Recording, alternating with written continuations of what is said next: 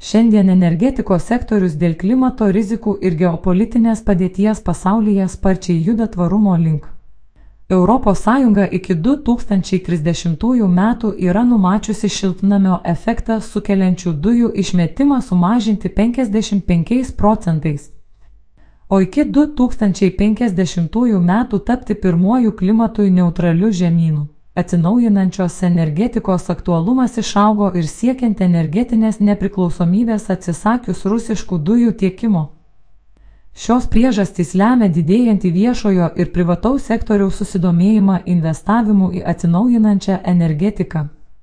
Prie to prisideda ir valstybės, kurdamos motivacinės schemas, kurios lemia didesnę tikėtiną investicinę gražą ir mažesnę riziką auganti sektoriaus svarba atsispindi ir finansų rinkose.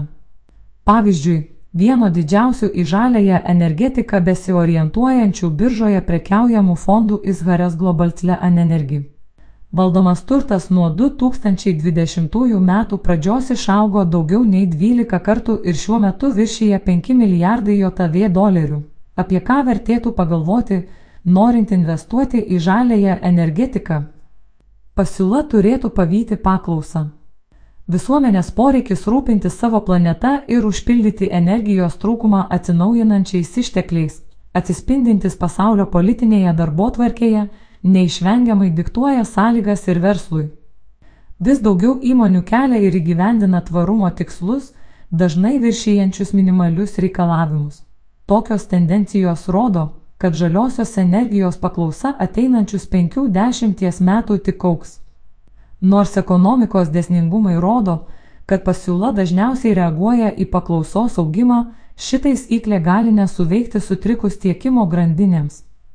Didelė dalis svarbiausių atsinaujinančios energetikos komponentų gaminama Kinijoje, todėl prekybos ryšiams tarp Kinijos ir JAV bei Europos trukinėjant neigiamas poveikis žaliosios energetikos pasiūlai būtų didelis. Vis dėlto tokios rizikos tikimybė nedidelė, todėl atsinaujinančių išteklių pasiūla artimiausiais metais turėtų kilti kartu su paklausa. Plačios investavimo galimybės.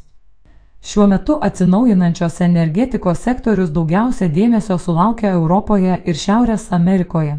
Tikėtina, kad ten artimoje ateityje ir bus skiriamas didžiausias investicinis kapitalas.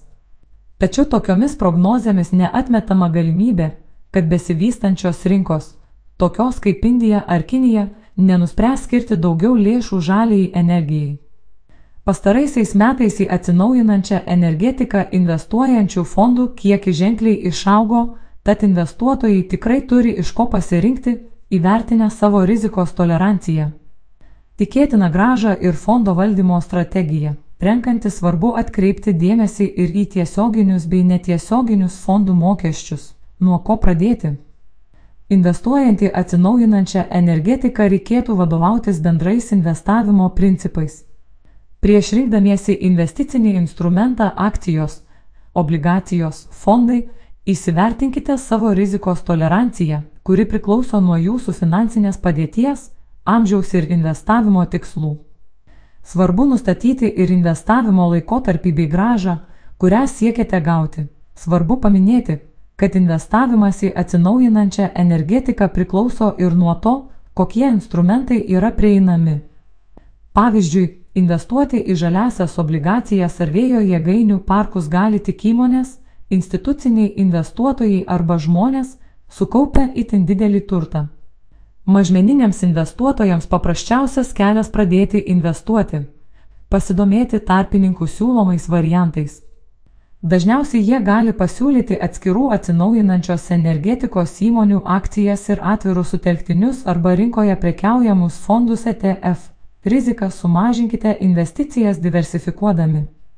Nors nei vienas investuotojas nėra apsaugotas nuo prastų investicinių rezultatų, labai svarbu neprisijimti rizikos, už kurią nėra gaunama graža. Finansų teorija teigia, kad investuotojas negauna papildomos gražos arba premijos už riziką, kuri liečia tik tai kokią nors vieną atskirą įmonę, kitaip tariant, idiosinkratinė rizika. Pavyzdžiui, investicijos į vieną įmonę pagal riziką pakoreguota tikėtina graža visada bus mažesnė nei investicijos į daug skirtingų įmonių. Todėl investuotojams svarbiausia nepamiršti, kad rizika labiausiai priklauso ne nuo investavimo temos atsinaujinanti energetika, dirbtinis intelektas, bioinžinerija etc., o nuo investicinio portfelio diversifikavimo. Visą turtą investuoti tik į atsinaujinančią energetiką būtų neracionalu. Investicijas geriausia ne tik paskirstyti per daug įvairių ne vien atsinaujinančios energetikos įmonių, bet ir investuoti į skirtingas turto klases, tai yra pirkti ne tik akcijas ar akcijų fondus, bet ir obligacijas. Nekilnojama turta arba obligacijų ir nekilnojamo turto fondus.